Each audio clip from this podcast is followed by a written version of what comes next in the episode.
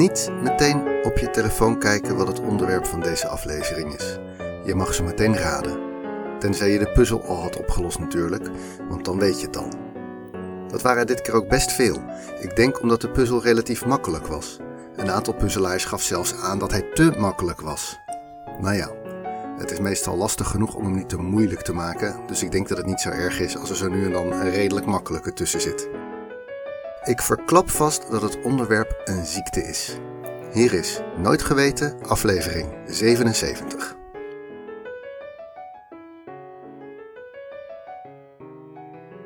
Een verhaal over ziekte is natuurlijk nooit een heel gezellige aflevering.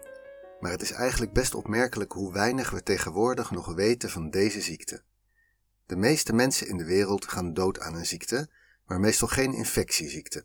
Hart- en vaatziekten, kankers, diabetes en verkeersongelukken zijn allemaal belangrijke doodsoorzaken wereldwijd en daar komt geen infectie aan te pas. Infectieziektes zijn ziektes waarvoor iets van buiten je systeem binnen moet dringen. Bijvoorbeeld een virus of een bacterie, of een parasiet, of gewoon een voedselvergiftiging. Allemaal infectieziektes. En de infectieziekte waaraan de meeste mensen wereldwijd overlijden, die is het onderwerp van deze aflevering. Een paar jaar geleden was dat COVID, maar daarvoor en inmiddels ook weer is dat niet malaria, niet HIV-AIDS, maar tuberculose. Misschien wist je dat al lang, maar mij verraste dat. Ik dacht dat dat een ziekte van vroeger was, die we opgelost hadden. Wat eigenlijk ook best gek is, is juist dat we zo weinig meer weten van TBC.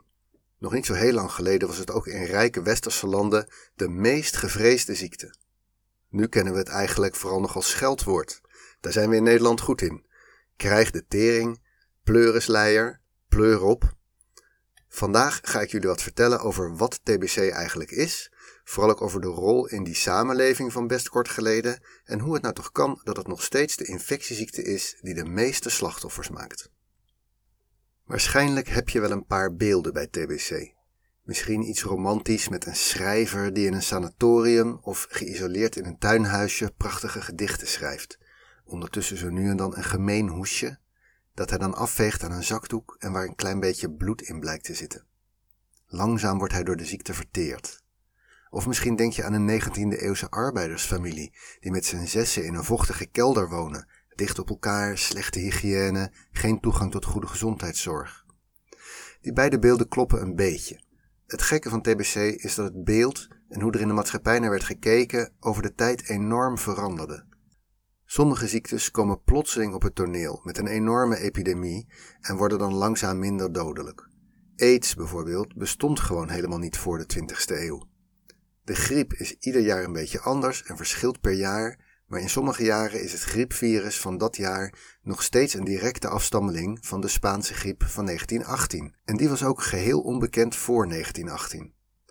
Je zou misschien kunnen denken dat TBC ook relatief recent is, omdat de voorbeelden die we kennen allemaal spelen in de 19e eeuw of in het begin van de 20ste. Maar dat is niet zo.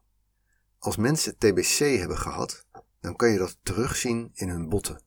Er zijn prehistorische skeletten gevonden van 4000 jaar voor Christus die onmiskenbaar TB moeten hebben gehad. Dus we leven als mensheid al heel lang met deze ziekte. Het meest opvallende aan tuberculose is dat het een heel langzame ziekte is. Ongeveer een kwart van de wereldbevolking is besmet, maar de meeste mensen hebben latente TBC. Dan heb je geen verschijnselen en ben je ook niet besmettelijk. Het kan zich alleen nog steeds wel ontwikkelen tot actieve TBC, ofwel open TBC. Als je niet goed behandeld wordt, sterft ongeveer de helft van de mensen daaraan. Maar dat kan jaren duren, decennia zelfs, waarin je langzaam steeds verder aftakelt. Op de aangetaste plekken in je lichaam vormen zich een soort knobbeltjes. Dat is vaak in de longen, maar het kan op allerlei plekken zijn. Patiënten hebben last van koorts en zweten, verliezen veel gewicht. Door dat langzame verloop kreeg de ziekte namen als consumption en tering, zoals in verteren, alsof je langzamerhand van binnen opgebruikt wordt. Mensen kregen vaak een heel bleke huidskleur, daarom werd het ook wel de witte pest of de witte dood genoemd. Je hebt trouwens ook varianten die zich wel heel snel ontwikkelen. Die werden in de volksmond de vliegende tering genoemd. We weten nu dat de oorzaak een bacterie is. de Mycobacterium tuberculosis. En als je door de ziekte moet hoesten, dan verspreid je kleine druppeltjes met bacteriën in een straal van een paar meter om je heen. De belangrijkste manier om besmet te worden is door het inademen van die druppeltjes. Maar het kan ook bijvoorbeeld via voedsel, waarover later meer.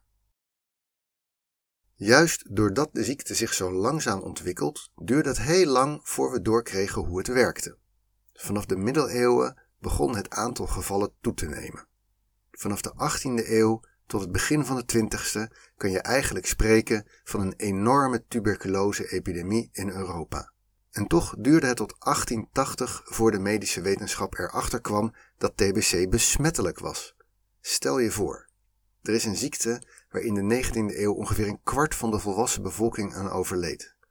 En dan meestal niet op een hoge leeftijd. En we weten niet hoe het komt.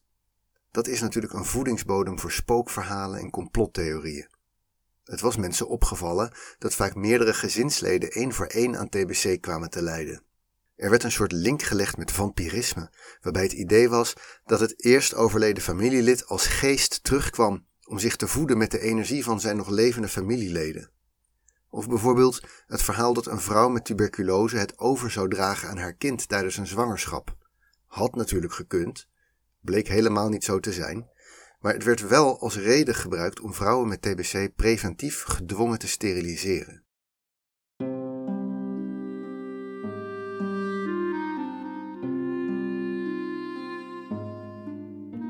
Aan het begin van de grote Europese TBC-epidemie hing er verrassend genoeg een soort positieve glans aan de ziekte.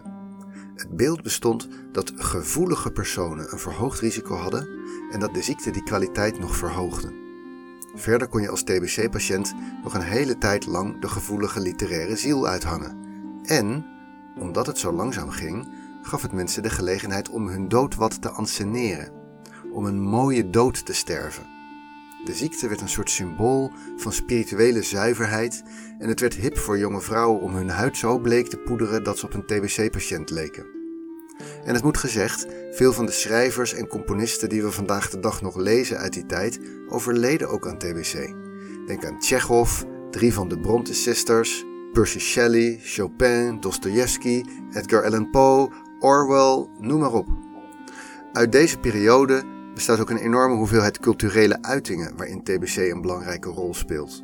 Denk aan De Dame met de Camelia's van Dumas of Les Miserables van Victor Hugo. En ook in opera's zoals La Traviata van Verdi of La Bohème van Puccini speelt de ziekte een belangrijke rol. De bekendste quote in het genre is van Lord Byron, de romantische dichter, die bij leven al een soort rockstar was. Hij schijnt het volgende gezegd te hebben: Oh, wat zie ik bleek, ik zou geloof ik wel willen sterven aan de tering. Want dan zouden alle vrouwen zeggen: Kijk die Byron toch eens. Zelf in zijn sterven is het een interessante man. Dat geluk had hij overigens niet, want Byron werd ziek in Griekenland, waar hij aan de Griekse onafhankelijkheidsstrijd tegen de Turken meedeed. Nog voor het tot vechten kwam, kreeg hij een serieuze verkoudheid, waarna de artsen besloten zoveel aderlatingen bij hem uit te voeren dat hij eraan overleed. Waarschijnlijk ook heel bleekjes. Ook bij vrouwen werd het lijden aan tuberculose niet alleen als doodvonnis gezien. Het betekende dat je kennelijk heel gevoelig was. Ze werden gezien als kwetsbaar en seksueel aantrekkelijk. En het modebeeld volgde dat idee. De onnatuurlijk strakke corsetten uit die tijd probeerden de esthetiek van een uitgemergelde tuberculose-leidster uit te stralen.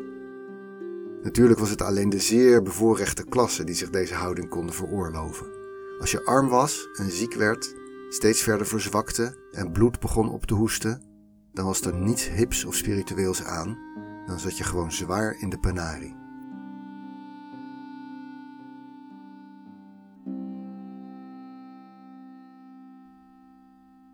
Maar toch kon het nog veel erger worden.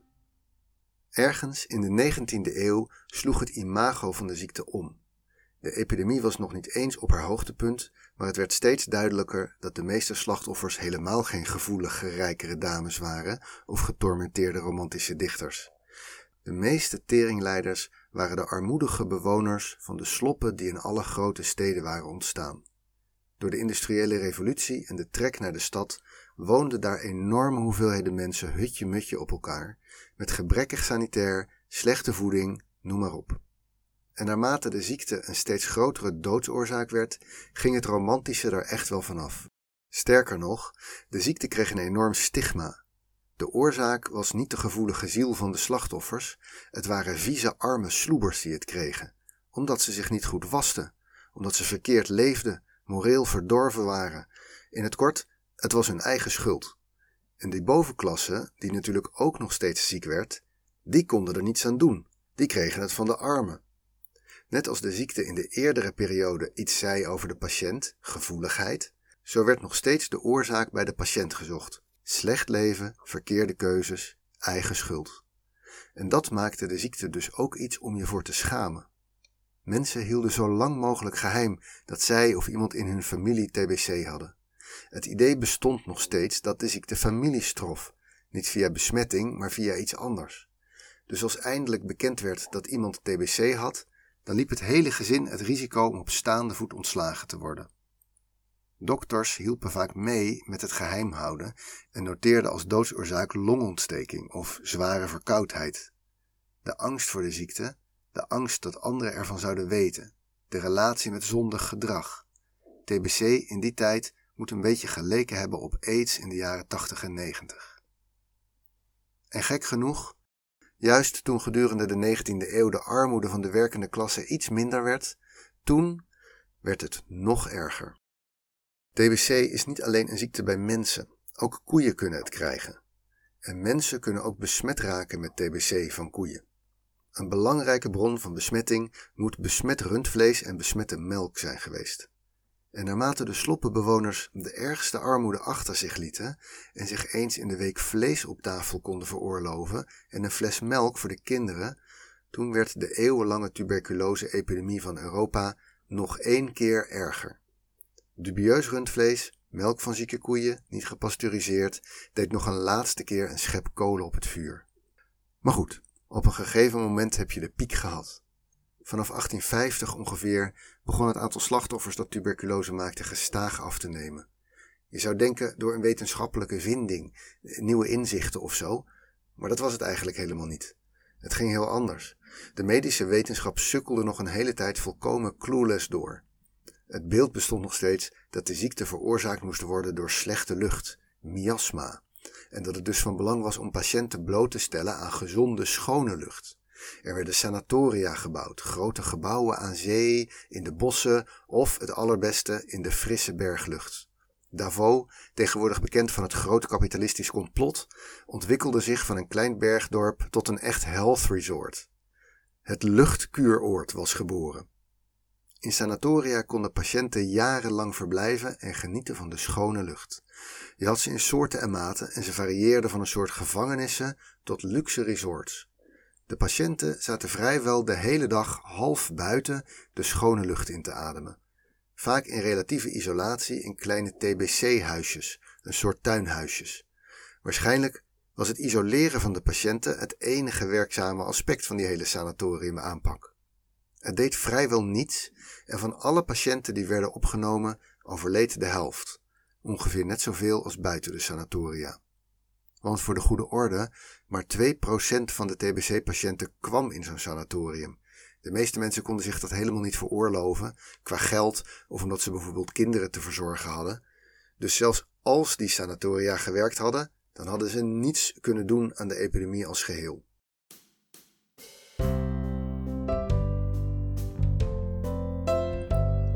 Ook de andere behandelingen die werden aanbevolen klinken nu meer als een soort marteling. Bij patiënten werd expres een klaplong veroorzaakt. Dat was dan om de aangetaste long rust te geven om beter te kunnen herstellen. Met dezelfde soort redenatie werd lucht in de buikholte geblazen om de long minder ruimte te geven. En ook werden operatief pingpongballen in de borst ingebracht of een flinke klomp paraffine. Ook weer om de long minder ruimte te geven zodat hij beter zou genezen. Van al deze aanpakken is nooit ook maar enige werking aangetoond. En toch, en toch begon het aantal slachtoffers van tuberculose gestaag te dalen. Waarschijnlijk vooral door verbeterde leefomstandigheden. Pas in 1882 ontdekte Robert Koch de bacterie die TBC veroorzaakt. Eigenlijk was het ook pas rond die tijd dat onomstreden werd dat de ziekte besmettelijk is. Meteen begon men met het zoeken naar een vaccin, maar maar dat zou nog 25 jaar duren. En je zou denken, vanaf dat moment gaat het hard. Maar weer niet. Als je naar de grafiek van sterfgevallen kijkt, dan hebben die ontdekking van het virus en het vinden van het vaccin eigenlijk nauwelijks effect. Het daalde al door sociale oorzaken en het bleef dalen, maar geen plotselinge duik of zo. Misschien zouden we er met onze COVID-ervaring in het achterhoofd niet verbaasd over moeten zijn, maar er was dus heel weinig animo voor dat vaccin. In ongeveer dezelfde tijd kwamen er twee nieuwe vindingen beschikbaar: dat vaccin en röntgenstraling, waarmee de diagnose van TBC beter gesteld kon worden. Massaal lieten mensen foto's van hun binnenste maken met deze spannende nieuwe straling. Maar jezelf of je kind vaccineren, dat was spannend. Snap ik ook wel een beetje. Ik, ik had ook niet in de eerste lichting willen zitten. Maar het heeft dus nog tot de jaren 50 geduurd van de 20ste eeuw voordat dat vaccin massaal kon worden uitgerold. En het moet gezegd, ook zonder vaccin werd TBC een steeds kleinere moordenaar. Het werd ook beter te behandelen door de komst van antibiotica. En zo werd, niet door een specifieke uitvinding of doorbraak, maar door een optelling van allemaal kleine verbeteringen in huisvesting, in hygiëne, antibiotica en vaccins, uiteindelijk de grootste doodsoorzaak van de 18e en 19e eeuw weer een kleine ziekte.